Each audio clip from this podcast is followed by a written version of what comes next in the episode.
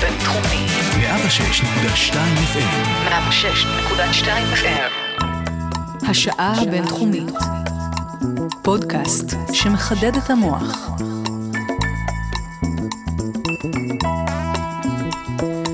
אהלן לכל המאזינים, לכל המאזינות, אתם אה, בפרק אה, נוסף של השעה הבינתחומית, אה, אני ציקי ישי, והיום אנחנו נדבר על נושא שאולי הרבה מאיתנו נוטים או רוצים להדחיק, אבל משהו מתרחש בעולם ואנחנו חיים יותר, זו עובדה.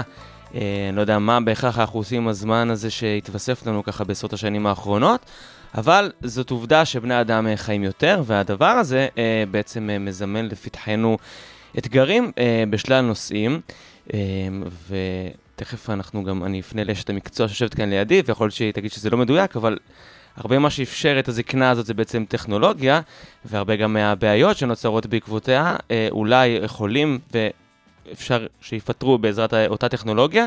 אז לצורך כל הנושא הזה, אה, אני שמח להגיד שלום לדוקטור אה, הדס הראל, פסיכולוגית קוגנטיבית ומנהלת החלק המחקרי במילאב, כאן בבינתחומי. אהלן הדס, מה העניינים? אהלן, מה העניינים? בסדר גמור. אז קודם כל, אה, תודה רבה שבאת והצטרפת. אז באמת ככה בקצרה זרקתי את הטיזר לנושא של השעה הקרובה. ואולי באמת בואי נתחיל ברשותך ככה קצת מנתונים. אנחנו מדברים על עלייה, שינוי דמוגרפי בעולם, במה מדובר בעצם? אוקיי, okay, אז בעצם אנחנו עוברים uh, מהפכה דמוגרפית, זה לא שינוי דמוגרפי, זה ממש מהפכה. Uh, רוצה לנחש מה תוחלת החיים היום? בכל העולם? בממוצע? כן, בכל העולם, תן מספר. אני אהיה קצת משוחד, כי קצת, את יודעת, שלחתי נתונים לפני התוכנית וקצת עיינתי. רק בגלל המדינות שככה בתחתית, נכון. אני אגיד 67 אה, כזה. אז המספר הוא 70. אה, באזור לא 70, רחוק, 70.4, לא באזור משהו כזה, 71.4, זה משתנה ממוצע קצת. ממוצע עולמי. ממוצע עולמי, נכון. בישראל, 82.4. זאת אומרת, אנחנו במצב לא רע מבחינת תוחלת החיים, בין הגבוהות בעולם למעשה. אמ, איפה חיים הכי הרבה? אני ביפן. ביפן חיים ביפן, אחרת. אבל את זה לא הייתי מנחש, זה רק בגלל, עוד פעם. כן, אה, המספרים. הסתכלתי בנתונים לפני כן וזה, אבל... אה, ביפן נשים חיים הכי הרבה זמן, אה, בעיקר הנשים חיות ביפן הכי הרבה זמן. נשים חיות ביפן מגיעות לגיל 86.8, וזה ממוצע. וואו. זאת אומרת, זה לא אישה, זה לא הרוב או משהו כזה, ממוצע, תוחלת חיים ביפן, 86.8, זה מטורף. עכשיו על זה, נשים מגיעות שם כמעט ממוצע של 90 שנה. אה, גברים, הכי הרבה, ביפן? שווייץ. אה, אה הנשים החיים, הכי הרבה ביפן נשים, והגברים הכי הרבה בשווייץ? תוחלת. חיים הכי גבוהה של נשים ביפן ושל גברים בשווייץ, לא יודעת, אין לי איזה הסבר טוב לזה. עדיין הם חיים הרבה פחות מנשים, אתם בושה. חיים פחות מאיתנו. 81.4 זה המספר. אה, וואו, זה הבדל כן. של מה, חמש שנים כמעט, כן, לא? כן, זה הבדל עצום. אז אם כן. נבין נשים מיפן וגברים משווייץ, יהיה פה נכון. איזשהו זן חדש של בני אדם, בני המוות. שחיים הרבה זמן, כן. בדיוק, שחיים המון המון זמן. Uh, גם בארץ יש לנו הבדלים בין גברים לנשים, בפערים גם כן די גדולים. נשים הן מגיעות ל-84.1. וגברים 80.1, אז יש לנו עוד ארבע שנים. את זה לדיון הציבורי, כי את יודעת, כאילו אחרי, זה איזשהו תיקון עם אפליה ופטריארכיה וזה, אז... אתה אומר זה פותר את הבעיה? אני לא, לא יודעת. לא, אני לא אומר זה פותר, אני לא זה, אבל יכול להיות שבסוף כמה שנים יש פיצוי, ואולי אפשר, צריך להכניס את זה לדיון, זה בכל זאת, זה משהו. אמ, אנחנו תכף נדבר על זה, אם זה חיובי או שלילי, או שגם זה... אה, לחיות יותר, כן, האמת שיכול להיות שזה גם בעצם אה, זה. רגע, שבאמת נוגעת בהבדלים בין המדינות, כאילו, אפשר לשים את האצבע למה זה, מה, מה גורם ל... מן הסתם, אה, מדינות מודרניות לעומת מדינות פחות מפותחות, התוחלת חיים הנמוכה ביותר היא בסיירה ליאון. מן הסתם, בכלל, אפריקה היא לא במצב מאוד מאוד טוב, וסיירה ליאון אנשים חיים שם עד גיל 50. זאת אומרת, וואו. תוחלת חיים היא של 50, אז אנחנו מדברים על, אם אנחנו משווים את תוחלת החיים אה, במדינה שחיים בה הכי הרבה למדינה שחיים בה הכי מעט, אנחנו מקבלים כמה עשורים. שזה זה חיים שלמים, כמעט חיים כמעט שלמים. כמעט חיים של בן אדם שלם, כן. זה פשוט משוגע, אז תחשוב איזה הבדלים יש בין המדינות האלה, בין יפן, שווייץ, אירופה, לבין המדינות באפריקה, שזה מוביל למעל 30 שנה פער בתוחלת חיים בממוצע של כמה אנשים חיים. אה, וספציפית גברים בסיירה לון מגיעים לאזור גיל 49, אז אנחנו, הם אפילו לא מגיעים לגיל 50. רגע, שזה בעצם גלובלי, ש... שגברים פחות מנשים? זה כן, נכון כמעט בכל המקומות? מקום. האמת, לא חוץ הסתכלתי על מבשוויץ אולי כולם. בעצם, נכון? אה, או ש- לא, לא, גם בשוויץ נשים אה. חיות יותר מאשר גברים. וואלה. אה, לגמרי, כן. יש לנו... אה, למה זה קורה? זאת שאלה ממש טובה, אה, יש לה מלא מלא הסברים, מהסברים אה, פיזיים ועד הסברים סביבתיים, וכולם מתווכחים על זה, אבל אף אחד אין איזה, אין לי איזה תשובה חותכת להגיד לך, שמע, בגן הזה... את יכולה להמציא ואני אאמין, כאילו, את יודעת, כן. את- אשת המקצוע, אני מתעניין. אני משתדלת פחות להמציא. אבל יש, מן הסתם, יש, זה שילוב, כמו כל דבר אחר, שילוב של כל הדברים, עם הרבה עניינים גנטיים. ז- זאת, אה, זאת שאלה טובה, מה, ב, מה במערך גורם לנו לחיות יותר ולגורם לנו או לחיות פחות? אה, ואולי שאלה יותר חשובה, אני חושבת, זה מה גורם לנו לחיות טוב ולהגיע לגיל מבוגר כשאנחנו אה, שמורים. אני חושבת ש... אה, בניגוד למה שהיה פעם, שהיינו פורשים מהעבודה, עוד כמה שנים חיים, ובזה זה היה נגמר, אז היום הזקנה היא כמה עשורים, 30-40 שנה. אה, והשאלה, איך אנחנו חיים את ה-30-40 שנה האלה? זאת שאלה, מאיזה גיל- מאיזה. גיל את מגדירה זקנה? ב- אה, זאת שאלת השאלות. לא, לא, לא, לא בקטע אה, פוליטי, חברתי, שאנשים יקשיבו ויגידו, אני אבל יודעת. כשאת לא. אומרת 30-40 שנה, אז מה... אז אני אגיד לך במחקר, מה, כאילו. אני אגיד לך מה הבעיה. גם במחקר, יש לנו שאלה נורא נורא גדולה, מה זה אומר זקן? עכשיו אני רוצה לעשות מחקר על זקנה, אני רוצה לבדוק יכולות קוגניטיביות בזקנה. מאיזה גיל אני מכניסה אנשים למחקר? וזאת שאלה אמיתית וקשה. פעם היינו מכניסים אנשים בגיל 60, אבל אתה מסתכל על אנשים שיש- בגיל 60 היום, הם לא זקנים, כי אני לא יודעת מה זה בכלל הגדרה של זקן. אנחנו, לפני שאנחנו אומרים מאיזה גיל זה, אנחנו צריכים להבין מה זה, ואני לא יודעת מה זה. זה, זה מה זה זקן? זה מישהו שהוא בפנסיה? יש אנשים שפורשים לפנסיה בגיל מאוד מוקדם.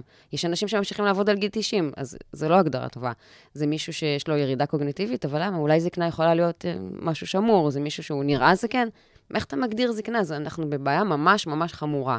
אה, אני יכולה להגיד לך שבסוף אנחנו קובעים איזשהו קריטריון שרירותי, אני מגלה סוד שאסור לספר, אבל אנחנו מגלים, אנחנו פשוט קובעים, אז אנחנו קובעים לפעמים 70, לפעמים פשוט גיל- 67, שזה נגיד גיל הפרישה במדינה, כל מיני דברים כאלה, שהם, אה, אין להם שום הסבר כאילו לוגי. נתון שיכול להיות חיצוני, לשם ה- שיהיה לכם איזשהו נקודת התחלה. בדיוק, כשאנחנו פשוט חותכים בו, אנחנו משתדלים שזה יהיה כמה שיותר גבוה, כדי באמת להימנע מלהכניס אנשים שהם אה, צעירים. לא יודעת, אני לא יודעת מה זה צעיר. אנחנו כל הזמן מתחבטים בשאלה הזאת. באמת בנתונים ששלחתי לפני התוכנית, אפשר לראות ששלחתי איזשהו גרף כזה, שבעצם רואים את השנים, בחמישים שנים האחרונות, איך היה הצמיחה. נכון. בכל המדינות, בכל המדינות, גם המדינות הנחשלות שציינת, יש איזשהו גרף מאוד אה, דרמטי של עלייה. את יכולה לשים את האצבע מתי בשנים האלה זה קרה, מה, מה היו הדברים העיקריים ששם זה פתאום... שעושים הבדל. אז אני אגיד קודם כל, מבחינת מספרים, שגם בשביל להבין את העוצמה של המהפכה, שלמשל ב-20 שנה האחרונות, תוחלת החיים עלתה בחמש שנים.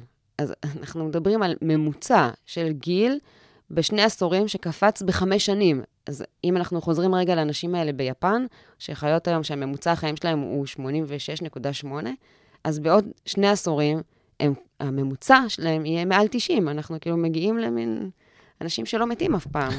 זה, זה, זה סיפור מטורף. הייתי לפני כמה זמן בכנס בארצות הברית של זקנה, הכנס הכי גדול, ואמרו שם, נתנו שם שני נתונים מדהימים. אחד, אמרו, הילדים שנולדו היום, 50% מהם יעברו את גיל 100, וואו, 50 בארצות הברית? אחוז מה- בכל העולם. וואו. 50 אחוז מהילדים שנולדים היום יעברו את גיל 100, וזה כולל המדינות הנחשלות וכולי וכולי, ונולד היום כבר הילד שיגיע לגיל 150.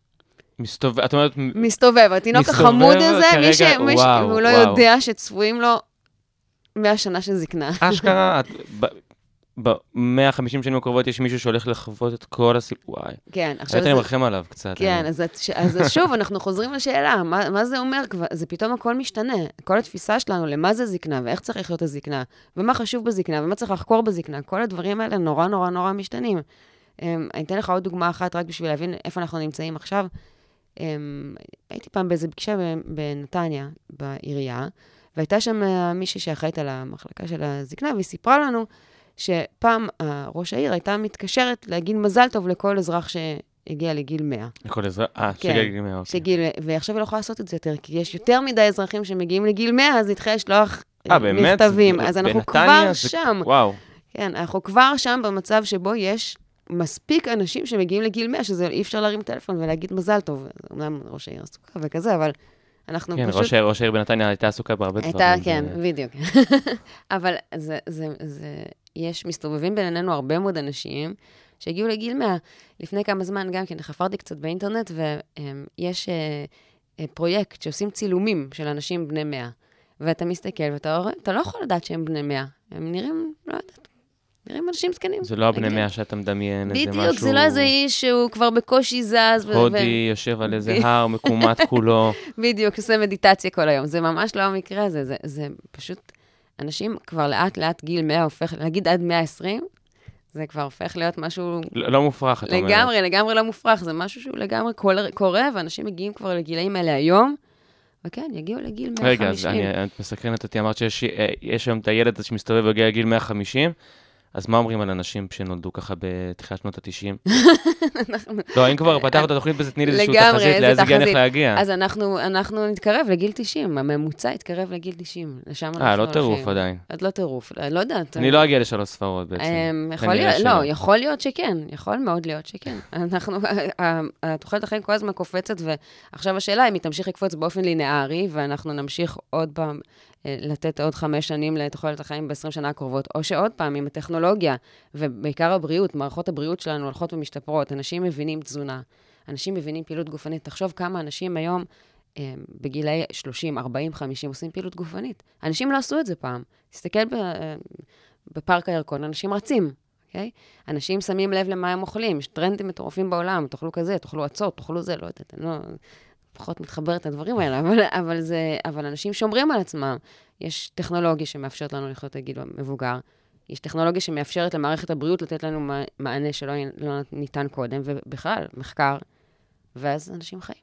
וזה באמת הולך ול... אה, אה, זרקת את זה בתור איזושהי תהייה, אבל זה באמת הולך להמשיך ולצמוח. זאת אומרת, אם אנחנו עכשיו נעשה רגע פוז, פ- פאוז וניפגש עוד אה, עשר שנים, אז זה יהיה, אנשים כבר יגיעו לגיל 200? כאילו, מתי זה ייעצר, הסיפור הזה? זאת שאלה ממש ממש טובה, שאתה יודע, זה, יש כל מיני עתידנים שמדברים על הדברים האלה, אני משתדלת לא לדבר על דברים שאני לא מבינה בהם, אתה יודע, אני לא יודעת מה יהיה.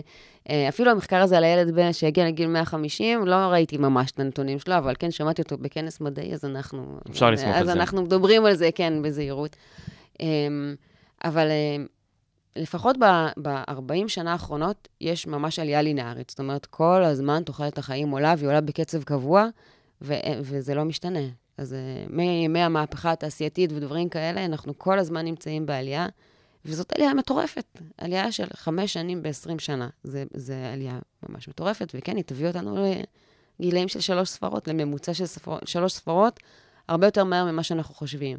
אם, אם עוד נתון דמוגרפי ממש ממש בקרוב, יהיו יותר אנשים בעולם, מעל גיל 65, מילדים מתחת לגיל 5. אז גם צריך להבין את יהיה ה... עוד פעם, עוד פעם? יותר אנשים מעל גיל 65 מילדים מתחת לגיל 5. זאת אומרת, יש לנו... מתי זה אמור לקרות? זה קורה ב- בעשור שניים הקרובים.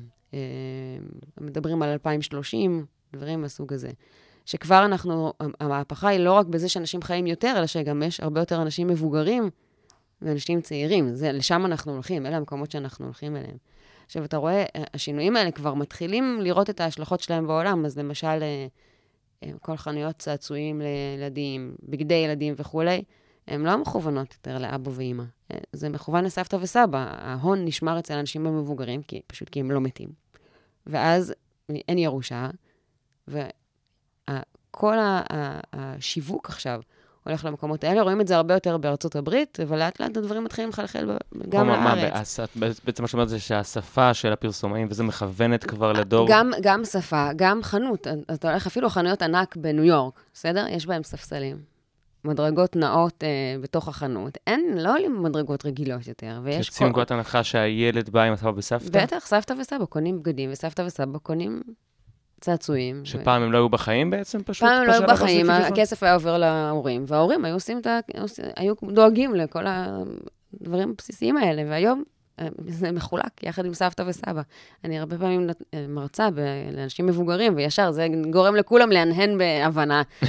מבינים היטב את המצב, כולם מרגישים את זה. אז אנחנו, לאט לאט העולם מתחיל להסתגל לדבר הזה, לזה שיש איזשהו שינוי. כשבאופן, אני לא יודעת אם הוא טוב או רע, זה לא חשוב להיות שיפוטי, אבל מה שקורה זה שרוב המחקר עד היום ורוב המיקוד עד היום היה באיך למנוע מחלות בזקנה, איך להאריך תוחלת חיים, אה, אלצהיימר, כל מיני דברים מהסוג הזה שכולם נורא נורא עסוקים בהם, וקצת שכחו שבן אדם פורש בגיל 65, 67 היום, שאני בעד להאריך את אה, גיל הפרישה, אולי זה יכעיס כל מיני אנשים שעומדים לפרוש, אבל אני חושבת שעבודה זה דבר בריא. הם, הם פורשים, ואז הם מגיעים לגיל 100. אז אם אנחנו חוזרים לשאלה שלך מקודם, פרשת בגיל 67, מה תעשה עכשיו 30 שנה? מה אתה עושה?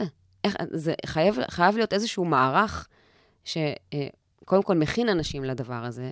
בואו נחשוב לרגע על מישהו שהוא, לא יודעת, מנכ"ל בבנק או משהו מהסוג הזה, מנהל גדול, כולם, אתה יודע, רגיל לנהל את כולם, מרוויח הרבה מאוד כסף, ואז פתאום באיזשהו שלב בחיים אומרים לו, שמע, סלמת. למה? כי אתה בן 67, אבל אז מה? אז מה אם אתה בן 67? ובן אדם צריך לקחת את התיק שלו וללכת הביתה, המשכורת שלו צונחת, אמנם יש פנסיה וכולי, אבל עדיין זה לא אותו דבר כמו לקבל משכורת מלאה. כל ההגדרה העצמית שלו, דווקא אנשים שהגיעו למצבים, לגילאים, לתפקידים בכירים ודברים מהסוג הזה, קמים בבוקר, מתלבשים, ולאן הם הולכים עכשיו? מה הם עושים עכשיו עם החיים?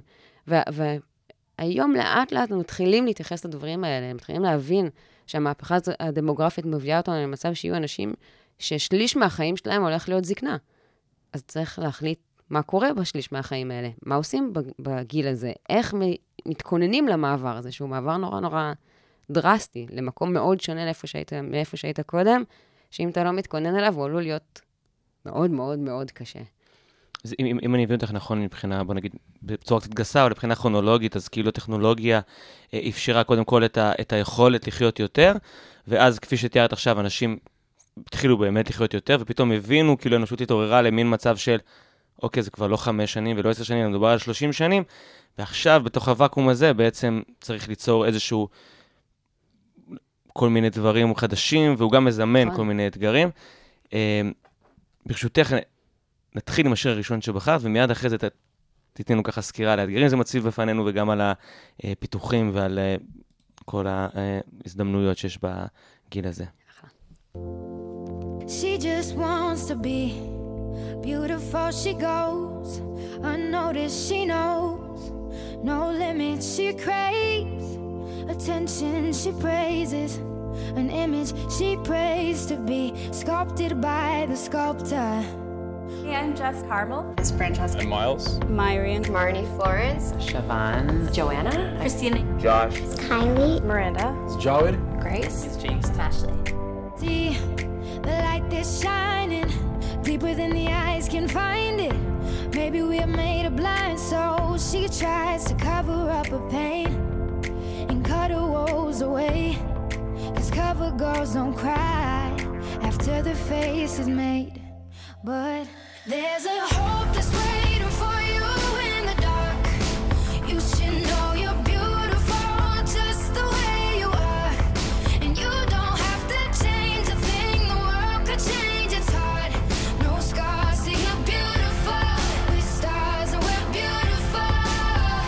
My peers, and then there was me. And a lot of people aren't afraid to, to give their opinions, whether they're hurtful or not. People would laugh and stare. People watching you eat and making little comments. As I grew up thinking that I had to look a certain way. I never thought I was as pretty as the other girls. Be proud of it. I shouldn't be trying to hide it.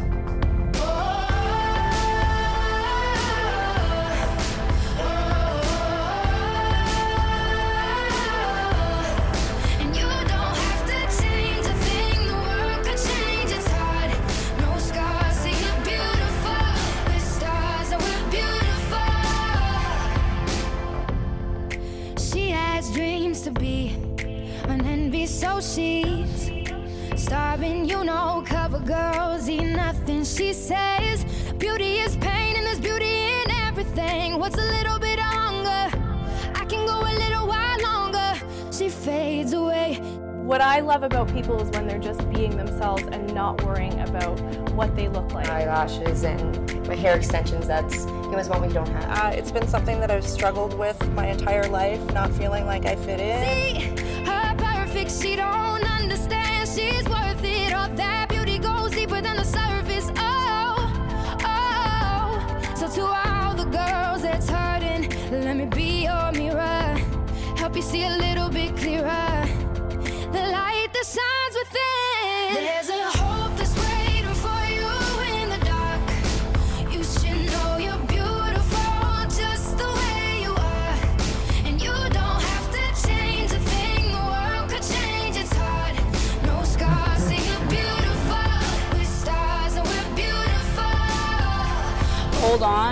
just wait until you can get out of that bubble because the things that seem like weaknesses, that seem like weird things that make you strange, when you become an adult, you get out into the world, you're gonna find out that all those differences, they're like your greatest strengths.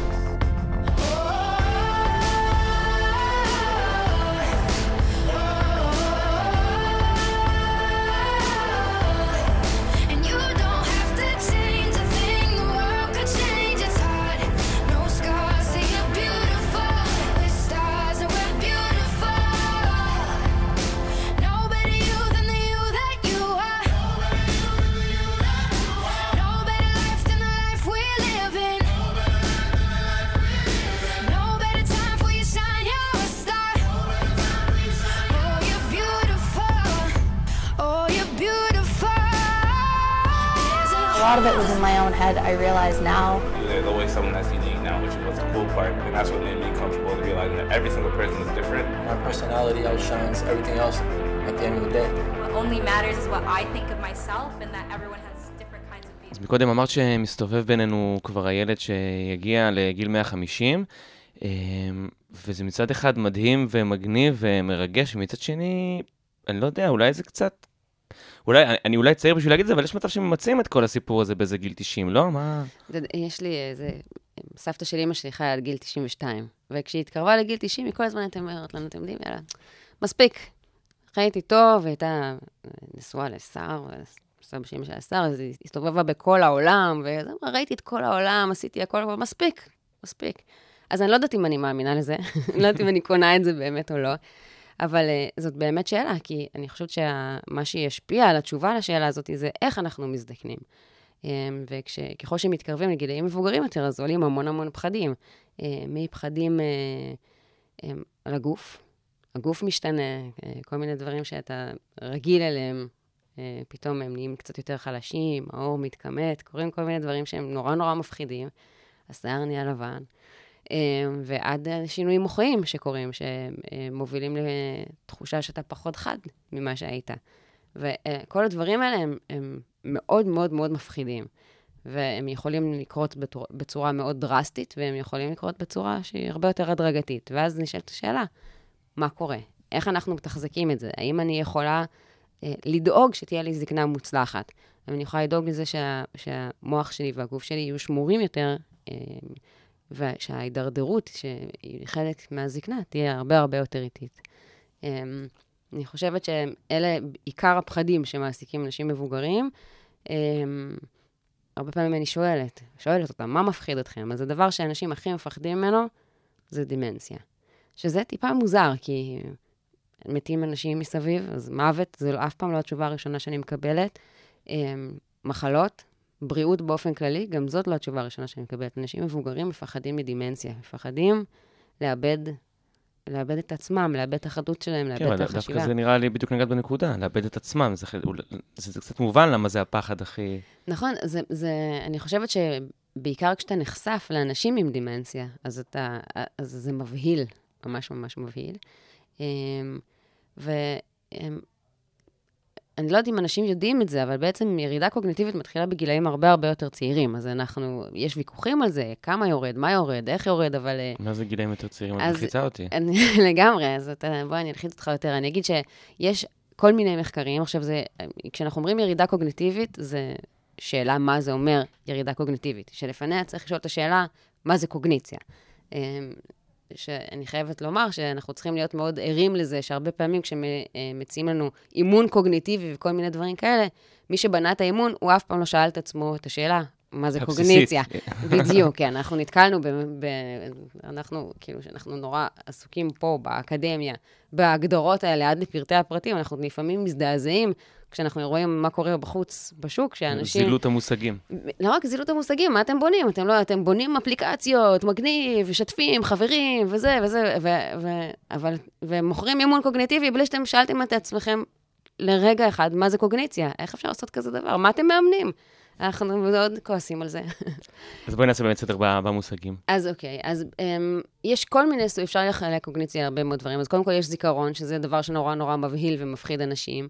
Um, כשנגיד שיש חלקים של זיכרון שהם מאוד מאוד שמורים עם הגיל, כל הזיכרונות המוקדמים שלי, um, בעיקר עד גילאי 60-70, הם שמורים מאוד מאוד יפה והם לא כל כך רגישים לגיל, זה אזורים מוחיים שלא רגישים לגיל, ובגלל זה כשאתה מדבר עם בן אדם מבוגר, הוא כמעט תמיד יכול לספר לך על התקופה שהוא עלה לארץ, ואיך הוא הקים את המושב, והחמור שהיה לו, וכאלה דברים, וזוכרים את זה ממש לפרטי פרטים. רגע, אז זה, זה מאוד מפתיע אותי מה שאת אומרת עכשיו. אוקיי. אני חייב, חייב רגע לעצור אותך, כי אני בתחושה שלי, ואני לא, לא מבוגר מי יודע מה, יש איזושהי אה, מחזוריות של זיכרון ש, שכן מטשטש בצורה מאוד רצינית, אחת ל... כאילו, יש אולי אירועים ספציפיים שאני יכול לזכור לפרטי פרטים לפני כמה שנים, אבל אפילו את התיכון שלי, אני לא, אני זוכר כמין מקשה אחת מבולגנת. זו שיחה אחרת על זיכרון, שאפשר לעשות אותו בכיף בפעם, בשעה, שעתיים שלמות אפילו, אבל אתה צודק בזה שאנחנו בעצם שומרים לעצמנו, זה כמו, אנחנו, יש לנו מגירות כאלה, שאנחנו שמים בהן זיכרונות שהם, זיכרונות שהם חשובים לנו. אנחנו לא זוכרים פרטי הפרטים, יש, יש אנשים שזוכרים הכל, דרך אגב, לא יודעת אם זה טוב או רע, אבל אה, בערך יש, יודעים על 20 כאלה בכל העולם. אבל um, רובנו פשוט שוכחים חלק מהדברים שהם פחות חשובים ופחות קריטיים, וטוב שכך, ושומרים לעצמנו את הזיכרונות הבסיסיים, ושמגדירים אותנו הרבה פעמים זיכרונות רגשיים, עם אירועים חשובים וכולי, ככה... שזה, כפי שאמרת, עד גיל 60-70 בילטין בגדול במערכת. לגמרי, אנ- אנחנו זוכרים מצוין, כמו, זאת אומרת, בן אדם בן 70 יזכור כמוך. אז אה, נכון שאנחנו לא נזכור פרטי פרטים של כל מה שקרה לנו, בטח לא בכיתה ז' כשנכנסתי ביום חמישי לשיעור בבוקר, אבל אנחנו המנגנון כן, עובד. בדיוק, המנגנון עובד והוא שמור, ואנחנו גם רואים אה, שמירה של האזורים המוחיים שרלוונטיים זהויות טמפורליות, והן שמורות באופן יחסי עם הגיל. אה, יש אזורים אחרים שאחראים על יצירת זיכרונות, שכשאנחנו מייצרים זיכרונות חדשים, הם עוברים דרך האזורים האלה. ואלה אזורים שהם מאוד מאוד רגישים לגיל. ואז בגלל זה, אותו בן אדם מבוגר שיספר לך על המושב והחמור וכולי, הוא לא, באותו רגע שהוא יספר לך את זה, הוא פחות יוכל לספר לך מה הוא אכל לארוחת בוקר היום בבוקר, מכיוון שהחלקים שאחראים על יצירת זיכרונות חדשים, הם אה, חלקים, יש אזור מסוים שקוראים לו היפוקמפוס, והוא מאוד מאוד מאוד רגיש לגיל. ואז אנחנו רואים מין דיסוננס כזה, ואנשים, זה נורא מרגיז אותם ומלחיץ אותם, שמצד אחד הם זוכרים דברים שהם קרו נורא מזמן, אבל דברים שקרו עכשיו והיום הם זוכרים הרבה הרבה פחות טוב. אמ, שזה קורה בגיל 60-70. משהו אז. זה, עוד פעם, זה, זה קורה עם הגיל, יש שונות מאוד מאוד גדולה, גם אפשר למנוע קצת הירידה הזאת, תכף נדבר על זה. אמ, אני כן יכולה להגיד שהם, אה, שיש גם כן היום המון אה, מכונים שמבטיחים, בואו נשפר לכם את הזיכרון וכולי. הם לא משפרים את הזיכרון. זה, אנחנו, ב, יצא לא מזמן מכתב אה, של כמה אנשי אקדמיה מאוד מפורסמים בכל העולם, מאוד זועם על כל הטרנד הזה של אימון קוגנטיבי לאנשים מבוגרים. אנחנו יכולים לתת אסטרטגיות לשליפה, אנחנו יכולים לתת אסטרטגיות לאנשים איך ללמוד עם רשימה מסודרת של מילים, של לעשות כל מיני טריקים כאלה, לחבר למשהו, למקום שהם זוכרים, כל מיני דברים נחמדים, אבל ממש לעשות שיפור זיכרון.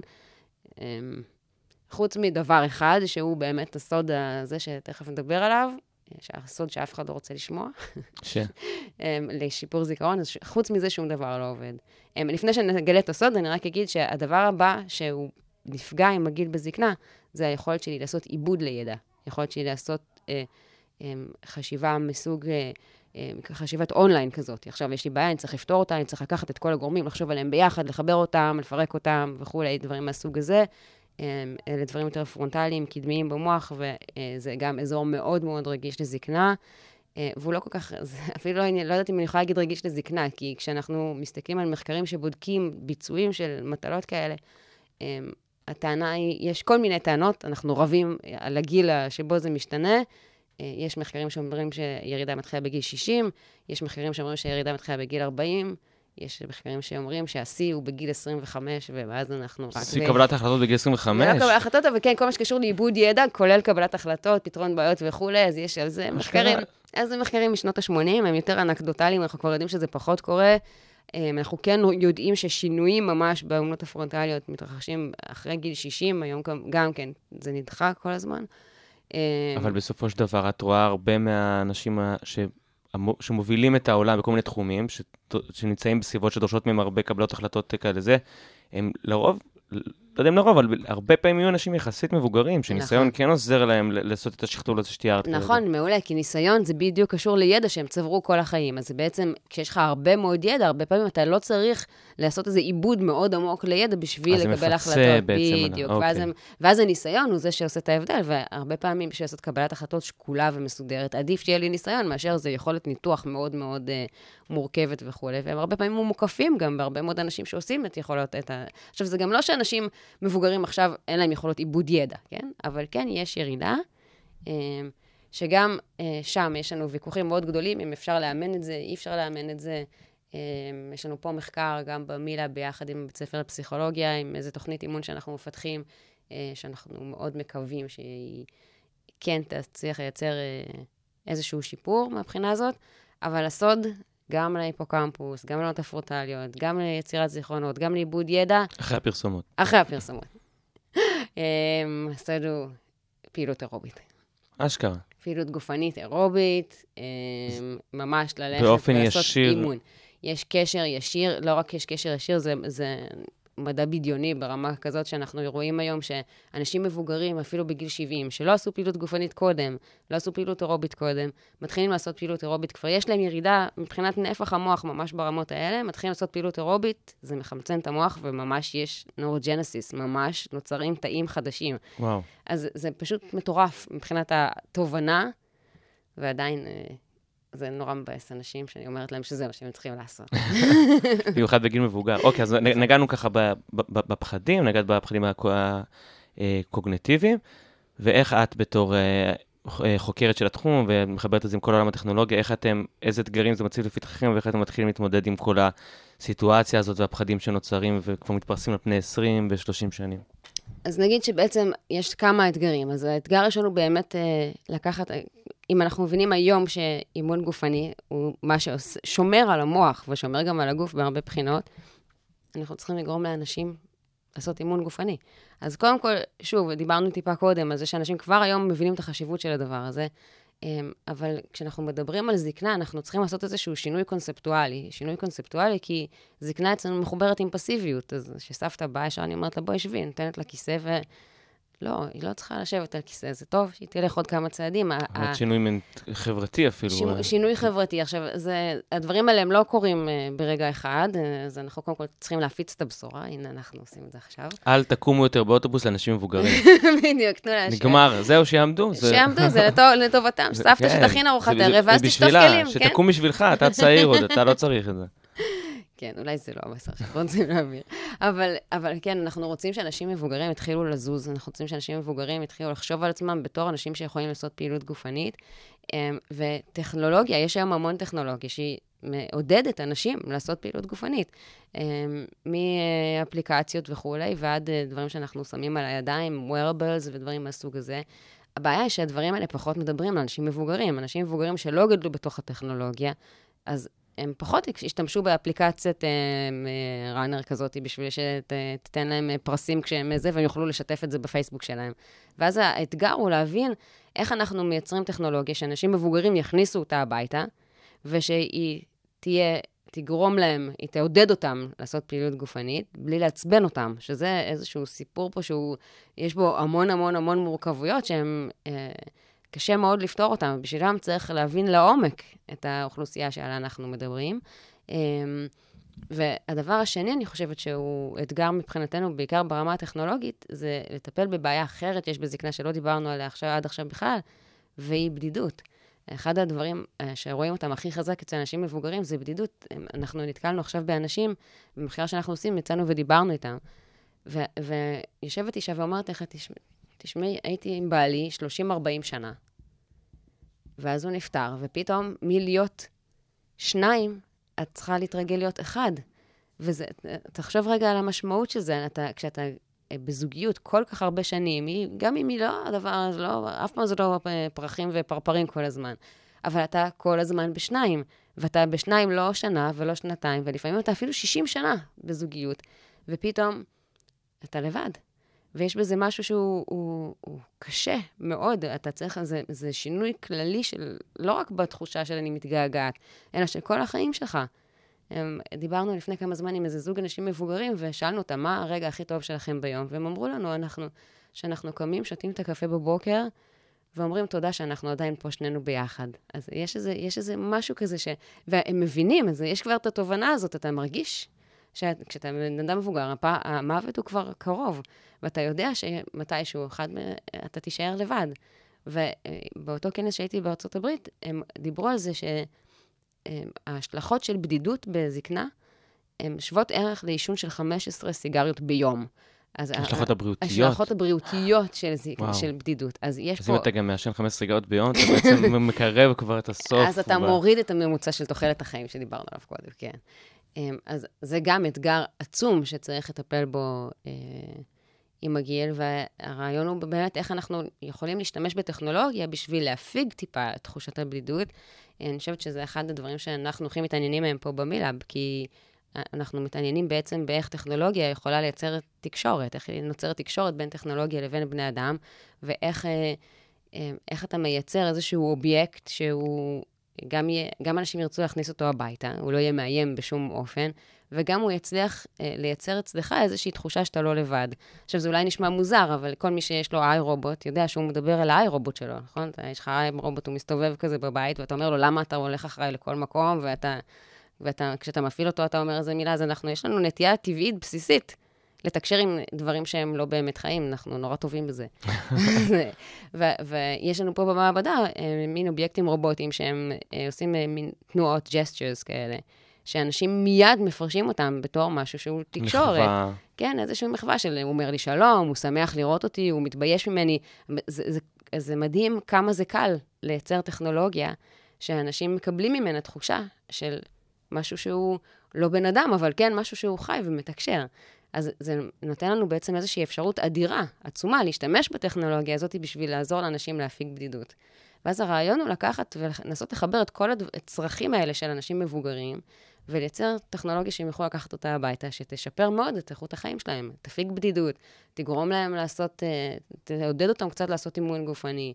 אה, אולי תשלב כמה מיני משחקים קוגניטיביים שגם כן מגרים את החשיבה ויגרמו לאנשים לעשות מין use it or lose it כזה. אם אתה יותר תפעיל את המוח, אז אתה, הוא פחות מתנוון, גם יש טענות כאלה.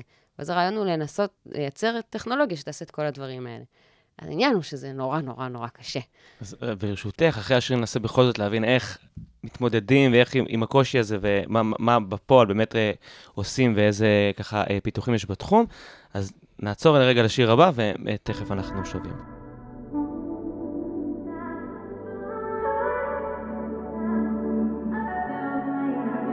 Not trying to be in there, not trying to be cool, just trying to be in this. Tell me how you do. Can you feel where the wind is? Can you feel it through all of the windows inside this room? Cause I wanna touch you, baby, and I wanna feel you too. I wanna see the sunrise and your sins just me and you.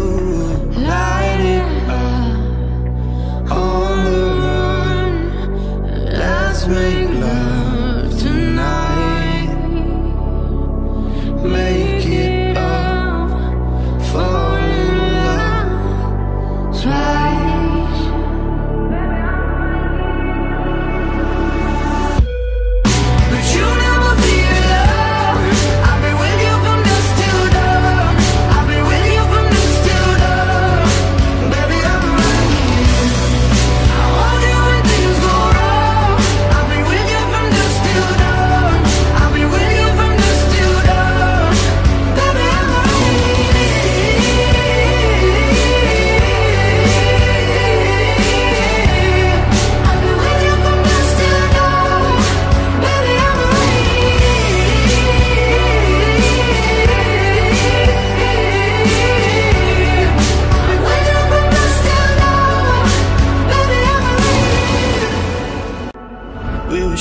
like a jacket, so do yours. eh?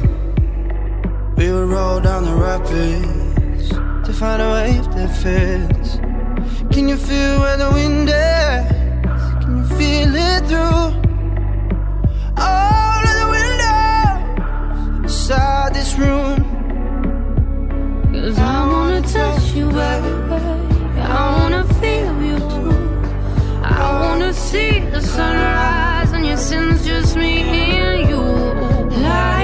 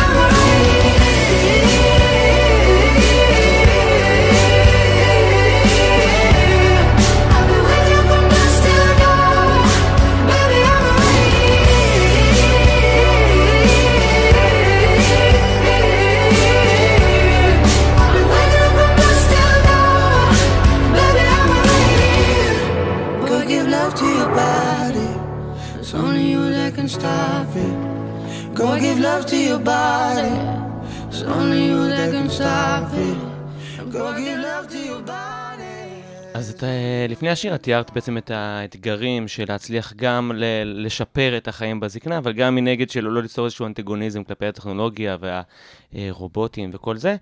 לי זה מרגיש שזה קצת עניין של אה, דור, זאת אומרת, אנשים שנולדו בשנות ה-90, 2000 וכולי, יגיעו לגיל 100, ובשבילם זה יהיה צ'יפס, לשחק עם גאדג'טים, לא? אמ, אז אה, ברור שזה יהיה שונה ואחר. אמ, אני יכולה להגיד לך שכבר עכשיו, אה, גם במילאב אנחנו עושים מחקרים עם ילדים למשל. אז עכשיו מעניין אותנו לראות אה, אם אנחנו יכולים לתת לילדים קונספטים של Machine Learning למשל. אוקיי? בינה מלאכותית וכל הרעיון של למידה מדוגמאות וכולי. והלכנו ורצינו לראות מה... לראות מה הפסאודו-נולד שיש לילדים, איזה המצאות הם ממציאים כשאנחנו אומרים להם בינה מלאכותית. הראינו להם איזה משהו של גוגל, צייר גוגל כזה שיודע לזהות תמונות. וההסבר שלהם לאיך זה עובד היה כל כך מדויק, שהם השאירו אותנו פעורי פה. טכנולוגית? כן, הם הסבירו? הם אמרו, שאלנו אותם איך זה עובד, אז אמרו, אה, אין בעיה, גוגל הולך, לוקח מלא מלא תמונות, הוא מחפש מלא תמונות של אה, בית, אם ציירתי בית, והוא משווה את זה, והוא משווה את הפיצ'רים של הבית, ואחרי שהוא משווה, הוא בודק בכמה אחוז זה דומה. וואו. ופשוט נתנו לנו הסבר משוגע. ילדים באיזה גיל? ילדים בני 11, 12, וואו. ואתה מסתכל ואתה אומר, מה זה? כאילו, אין לנו מה ללמד אותם בכלל, הם יודעים הכל, אז, אז, והם גדלים לתוך הדבר הזה. אחר כך חשבנו על זה, הם גדלו בתוך גוגל, אז הם יודעים לעשות למידה מדוגמאות, הם, גם הם בעצמם עובדים ככה, והם מבינים שאת, את היכולות של הטכנולוגיה, וזה פשוט, ישבנו ונדהמנו, אז אני חושבת שאתה צודק מהבחינה הזאת, שכשהם יהיו זקנים, אז הם לא יפחדו מטכנולוגיה, הם גדלים בתוך הגאדג'טים, הם גדלים בתוך הטכנולוגיה. אבל איך תדע מה יהיה עם הטכנולוגיה עד אז? אולי, אתה יודע, יקרו דברים, אה, דברים משוגעים אחרים. יכול להיות שהתהליך הזה ימשיך פשוט, הטכנולוגים של היום יהיו דינוזאורים של עוד... אה, בדיוק, אנחנו לא יודעים באיזה קצב תתקדם הטכנולוגיה, כי שוב, אנחנו גם במהפכה דמוגרפית, אבל גם הייתה מהפכה טכנולוגית בשנים האחרונות, ואז הטכנולוגיה רצה כל כך הרבה יותר מהר, שאנחנו, אנחנו, הדור שלי, לוקח לנו זמן להדביק אותה, הילדים שלנו גדלים בתוך הדבר הזה. אבל אם הטכנולוגיה תמשיך להתפתח בכזה קצב מטורף, אז אני לא יודעת איזה פיתוחים יהיו לזקנה בעוד לא יודעת כמה שנים, שיהיו פחות רלוונטיים. אבל אני כן חושבת, אה, לפחות מהמחקר האחרון שלנו, שיש כמה דברים שלא השתנו, והם מאוד מאוד אה, בעייתיים בחיבור לטכנולוגיה. אה, כי כשאתה מגיע לגיל מבוגר, אז מה שאנחנו, עוד פעם, מה שאנחנו רואים, יצאנו, פשוט דיברנו עם אנשים, אה, הרבה פעמים, אה, עוד פעם, כמו עם האימונים הקוגניטיביים, אז גם כאן מייצרים כל מיני טכנולוגיות, רובוטים, אה, אה, כאלה שמדברים, שרים וזה לזקנה, בלי לבדוק מה הזקנים רוצים, ולבדוק מי האוכלוסייה ומה מעניין אותם ומה מפחיד אותם. ואנחנו פשוט, קודם כל יצאנו לדבר עם האנשים, והלכנו לראות מה קורה, מה מעניין אותם.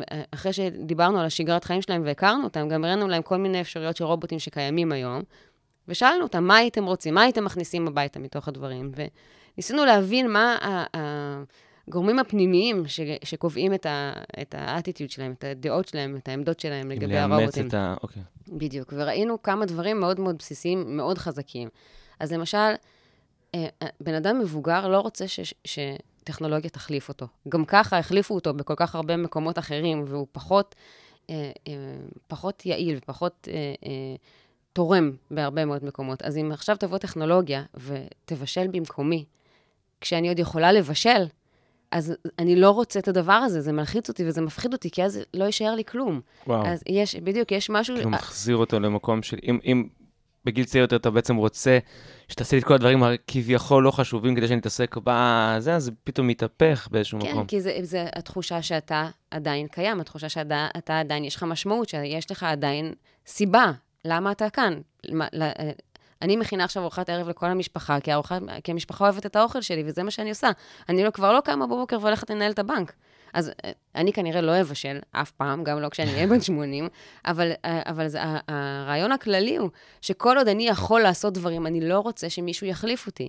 יש כן אה, רצון שמישהו יעזור לי. זאת אומרת, יכול להיות שטכנולוגיה יכולה לעשות איזושהי, איזשהו חיזוק לדברים שאני עושה. וגם אז, תחשוב על זה, אם, יש, אם אני עכשיו מכינה ארוחת ערב, ויש לידי מישהו שמביא לי את הירקות, ואני חותכת את העגבניה והוא חותך איתי סלט, אז זה גם עוזר לי, כאילו...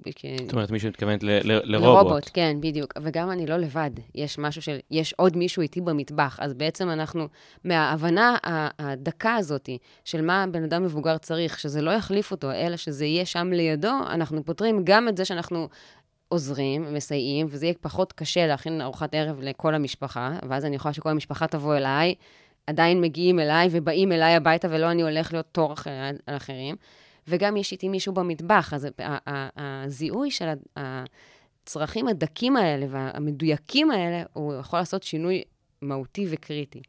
אז זה דבר אחד, ראינו שאנשים לא רוצים שיחליפו אותם. דבר שני, ראינו שאנשים מבוגרים בשום פנים ואופן לא רוצים רובוט שיוזם שום דבר. אה, לא יגיד לי, לכי תשחקי קלפים, לא יגיד לי, תצאי החוצה לריצה, לא יציע לי דברים, הם רוצים שליטה מלאה על הטכנולוגיה. אני חושבת שגם זה מגיע ממקומות של לא חושבת שעומדים להשתנות עם הדור. מישהו כן מעוניין לקבל הוראות מרובוט? זה עניין של גיל בכלל? אז יש, תראה, יש אה, אה, רובוטים כאלה, משחקים לילדים, שהם באים והם נותנים לך, מביאים לך קובייה, בוא תשחק איתי, וזה מאוד מאוד נחמד, גם מבחינה, ממקום של אה, תחושה שיש שם עוד מישהו אמיתי, עם אופי שמשחק, או דברים כאלה. אמ, ויש את כל האפליקציות האלה שאומרות לנו, לא יצאת לריצה כבר שבוע, מה קרה, שבוע שעבר רצת ארבע פעמים, אז אנשים מכילים את זה. אנשים מבוגרים לא מוכנים לזה בשום פנים ואופן. א', אני חושבת שהתחושה שהם שולטים בטכנולוגיה נותנת להם תחושה של יכולת, ולא שהטכנולוגיה שולטת שזה בהם. שזה מתקשר קצת למה שאמרת מקודם, על ה... עם הדוגמה של האוכל. נכון, בול, וגם, וגם התחושה הזאת של ככל שאני מתבגר, אני מאבד שליטה על כל מיני דברים. אני לא מוכן לאבד שליטה גם על הדבר הזה. אז להפך, הטכנולוגיה צריכה להיות כזאת שהיא מזמינה את המבוגר לשלוט בה. שרק המבוגר יוזם, אתה לא, אתה לא נכנס לו בתוך הדברים, אתה לא מציע לו, אתה לא דוחף אותו, הוא בשליטה מלאה על החיים שלו, ולא לוקחים אפילו מילימטר מהדבר הזה, כי שוב, במסביב, בחיים שלו מסביב, הוא מאבד שליטה בהרבה מאוד דברים אחרים. אז עוד פעם, ההבנה הדקה מאיפה הדברים נובעים, מובילה לאיך צריך לעצב את הטכנולוגיה, והטכנולוגיה צריכה להיות לחלוטין נשלטת, ובשום פנים ואופן לא יוזמת. אם אני מבין אותך נכון, בעצם לתת איזושהי תחושת uh, מסוגלות כזאת. בדיוק. שזה, לפחות אולי אני טועה, אבל לי זה קצת מרגיש, ש... אמרתי את זה ככה בקצרה, אבל שיש איזשהו מהפך, כי בגילים יותר צעירים אתה מבחינתך, שתשרת אותך כמה שיותר כדי שתפנה לך, אתה יודע שאתה מסוגל פיזית להכין אוכל ולהרים דברים ולרוץ, אבל אתה רוצה.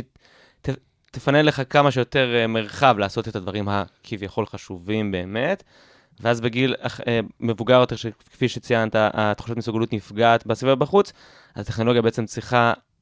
להתאים את עצמה, לאפשר בדיוק. את זה. היא צריכה להיות מותאמת בדיוק למקומות האלה. ו- ואז השליטה היא דבר אחד, שלא יחליף אותי זה דבר שני, עצמאות, נורא נורא נורא חשוב. אנשים אומרים לנו, אם הוא יעשה הכל, אז מה אני אעשה? אז אני רק אשב על הספה ואז אני יכול למות. אנשים משתמשים ממש ב...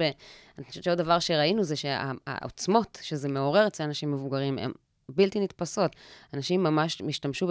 אני אבעט את זה מחוץ לחלון, כאלה דברים.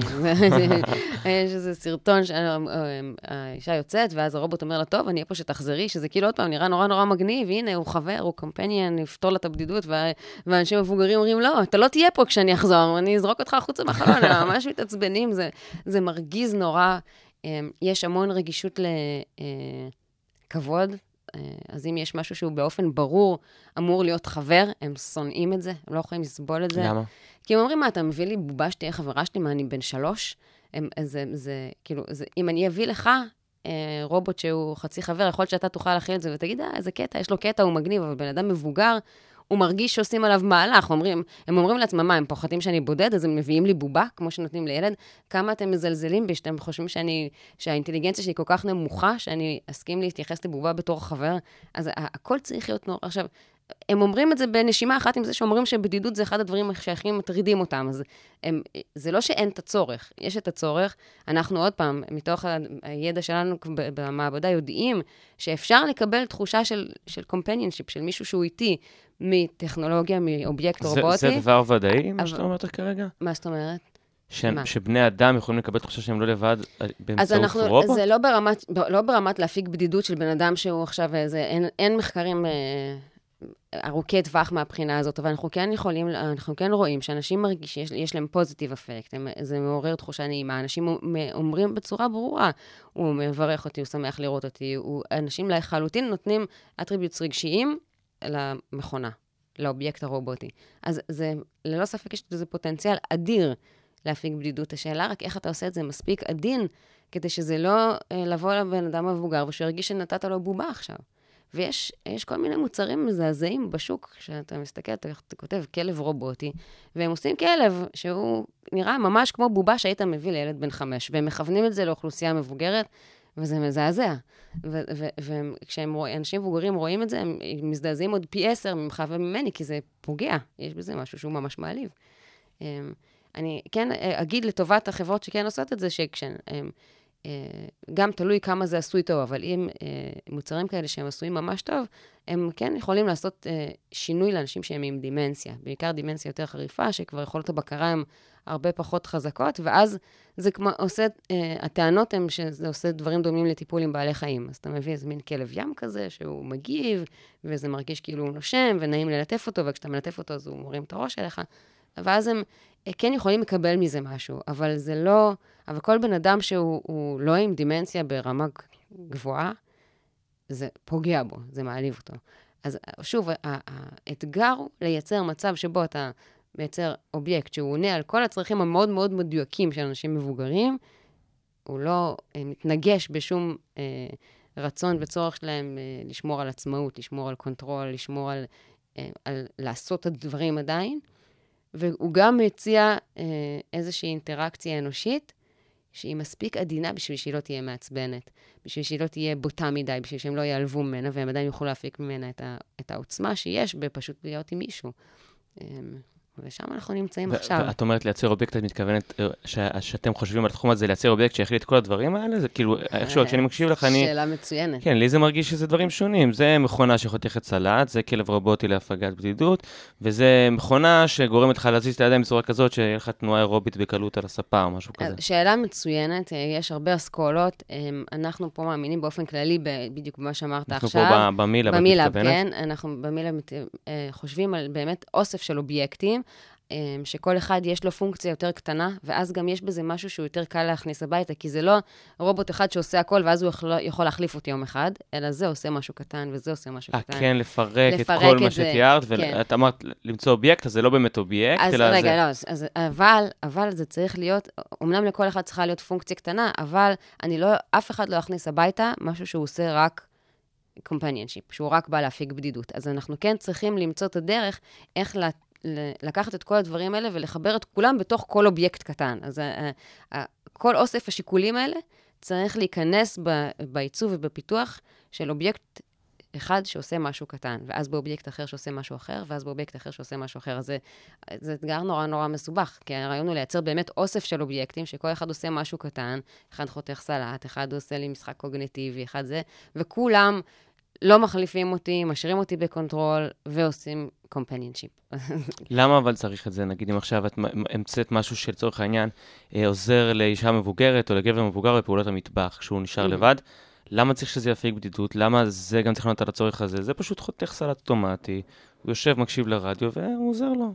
אז אה, בעצם הרעיון הוא שהבן אדם המבוגר צריך הרבה יותר companionship מאשר מישהו שיחתוך איתו סלט. וה- וזה נורא קל. הרעיון הוא שאם באמת עם המחוות מאוד מאוד קטנות ועדינות, אנחנו יכולים לייצר אה, תחושות הרבה יותר אה, חזקות באינטראקציה שלנו עם האובייקט. אז השאלה היא למה לא? למה לא לעשות את זה? ואם יש לי איזה... תתני דוגמה, אני ממש אז, אז אני, מנסה אז להבין. אפילו, אז אפילו אם, אה, אם יש לי את ה... אה, לא יודעת, משהו שחותך סלט, בסדר? ואני מסוגלת לקחת אותו, ו- ושהתנועה שלו תהיה תנועה טיפה יותר עגולה, ושהיא לפעמים תהיה תנועה לכיווני, ולפעמים תהיה, תהיה תנועה ממני, שהיא לא קשורה לסלט, אלא פשוט, זה פשוט מחווה שפתאום הוא בא ופונה אליי לרגע. התחושה שלי היא שהוא מתקשר איתי. ש... כי אנחנו רואים שדברים פשוטים כמו lean forward, הם, אה, הם איזושהי תנועה קדימה, איזושהי תנועה אחורה, הם אנשים ישר מפרשים אותה בתור תקשורת. הוא רוצה להגיד לי משהו, הוא בא אליי, הוא הולך ממני. אז את מדברת על דברים הרבה הרבה יותר קטנים ממה שכאילו, את לא מדברת על נכון. חותך סלט שגם שואל אותך מה שלומך, מה בוקר חלילה. טוב, אלא ממש על ניואנסים קטנטנים שבמוח שלנו גורמים לנו תחושה של, ממש כמו שתיארת עכשיו, של טיפה תנועה קדימה, טיפה תנועה אחורה. בדיוק, וזה עושה הבדל עצום באיך שאני מרגיש.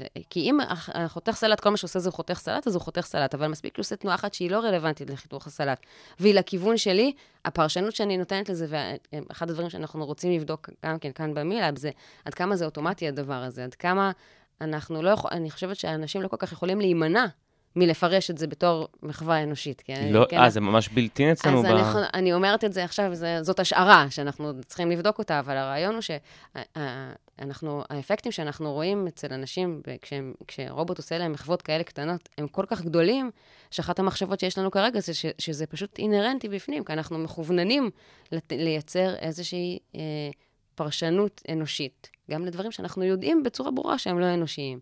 ואז הפוטנציאל עצום. אה, אתה יכול לעשות בית רגיש, בית שהוא... שהוא... מלא במחוות, מלא אה, במחוות, ואתה אף פעם... לא- גם צריך לעדן את זה, כי זה יכול להיות מעצבן באיזשהו שלב, אז השאלה היא... שחררו מכל כל כן, הרהיטים פה, אותי, זורקים כן. עליי אהבה כל היום, די, נחנקנו. בדיוק. ו- וזה מה שאת אומרת, זה, זה חוצה גילאים, הפרשנות הזאת למחוות הקטנות האלה? זאת שאלה טובה. אז אה, כמו בכל מחקר טוב, אה, גם אצלנו רוב המחקרים מהסוג הזה הם על סטודנטים אה, שבאים להתנדב למחקרים, אז אני לא יכולה להגיד לך את זה עדיין עד שלא ניקח את הדברים האלה וניקח אותם לגיל מבוגר, אבל זה, זה בטח עובד לאנשים בגיל שלך, בגיל שלי. אוקיי, לצערי אנחנו נאלצים לסיים, כי באמת היה לי מאוד uh, מעניין בשעה האחרונה, ככה, לא יודע אם הרגעת אותי יותר או הלחצת אותי לקראת הגיל השלישי שממשמש שהוא מגיע, אבל uh, בכל אופן, uh, דוקטור הדס אריאל, פסיכולוגיה קוגנטיבית ומנהלת החלק המחקרי במילאב, תודה רבה על. השעה האחרונה, uh, שיהיה המשך יום טוב.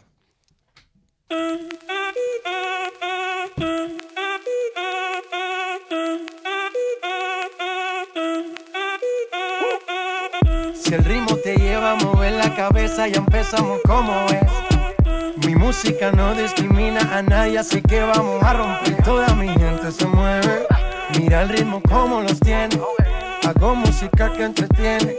El mundo nos quiere, nos quiere, me quiere a mí. Toda mi gente se mueve. Mira el ritmo como los tiene. Hago música que entretiene. Mi música los tiene fuerte bailando y se baila así.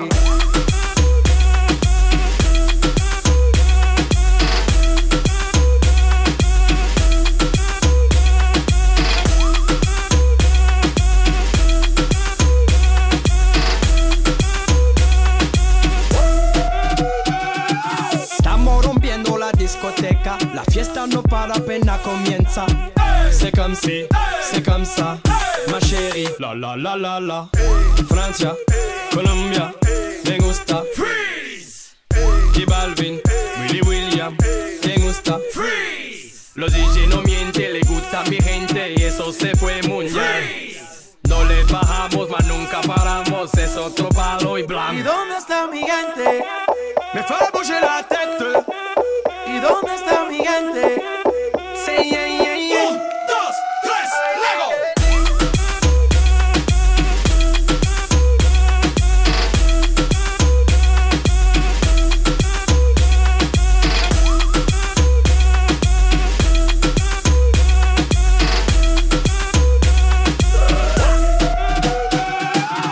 Esquina, esquina, y ahí nos vamos. El mundo es grande, pero lo tengo en mis manos. Estoy muy duro, sí, ok, ahí vamos. Y con el tiempo nos seguimos elevando. Que seguimos rompiendo aquí. Esta fiesta no tiene fin. Botellas para arriba, sí. Los tengo bailando, rompiendo y yo sigo aquí.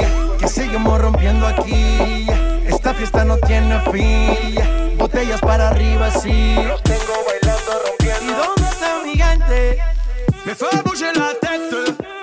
¿Y dónde está mi? Say, yeah, yeah, yeah.